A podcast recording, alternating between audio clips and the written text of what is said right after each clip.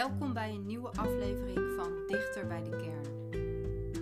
We zitten nu midden in de coronapandemie en ik hoop dat het goed gaat met jullie. Met mij gaat het goed. Ik hou me zo goed mogelijk aan alle adviezen over social distancing en handen wassen.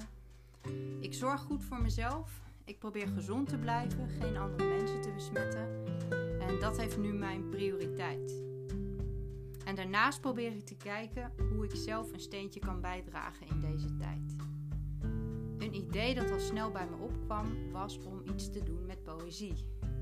Juist in deze tijd is het belangrijk om geïnspireerd te blijven en gedichten zijn volgens mij voedend en helend.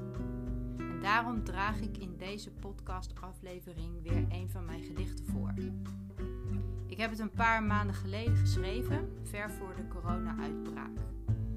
Gedicht gaat over een naderend onheil en dat vond ik vandaag de dag wel toepasselijk.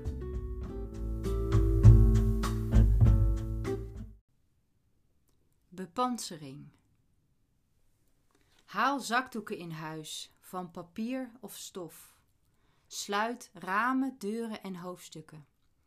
Kruip onder deken, schreeuw in kussen, draag enkel nog zwart.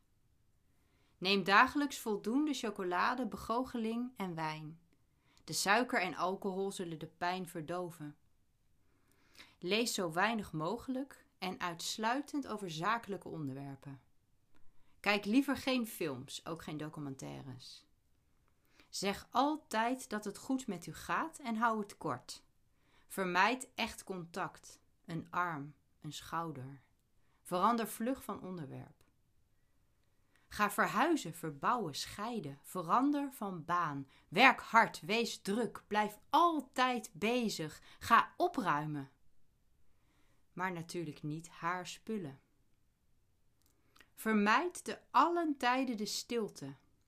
Maak lawaai uw bondgenoot. Als u echt wilt wandelen, loop dan langs een drukke weg en niet in het bos. In geval van nood, wend u tot het internet.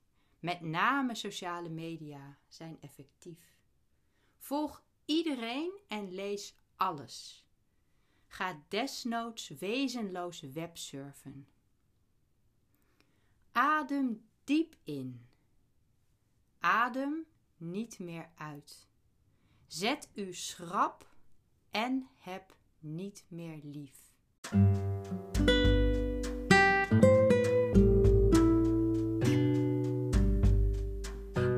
Dankjewel voor het luisteren. Ik hoop dat je het mooi vond. Laat me weten wat je van deze aflevering vond en wat je nog meer zou willen horen. En dat kan onder andere door een voicemailbericht voor me achter te laten. Bij dit gedicht hoort ook een tekening. En ehm, de link daar naartoe die zal ik posten in de beschrijving van deze aflevering, zodat je die uh, kunt bekijken. Ik wens jullie sterkte de komende tijd en vooral een hele goede gezondheid. En tot de volgende keer.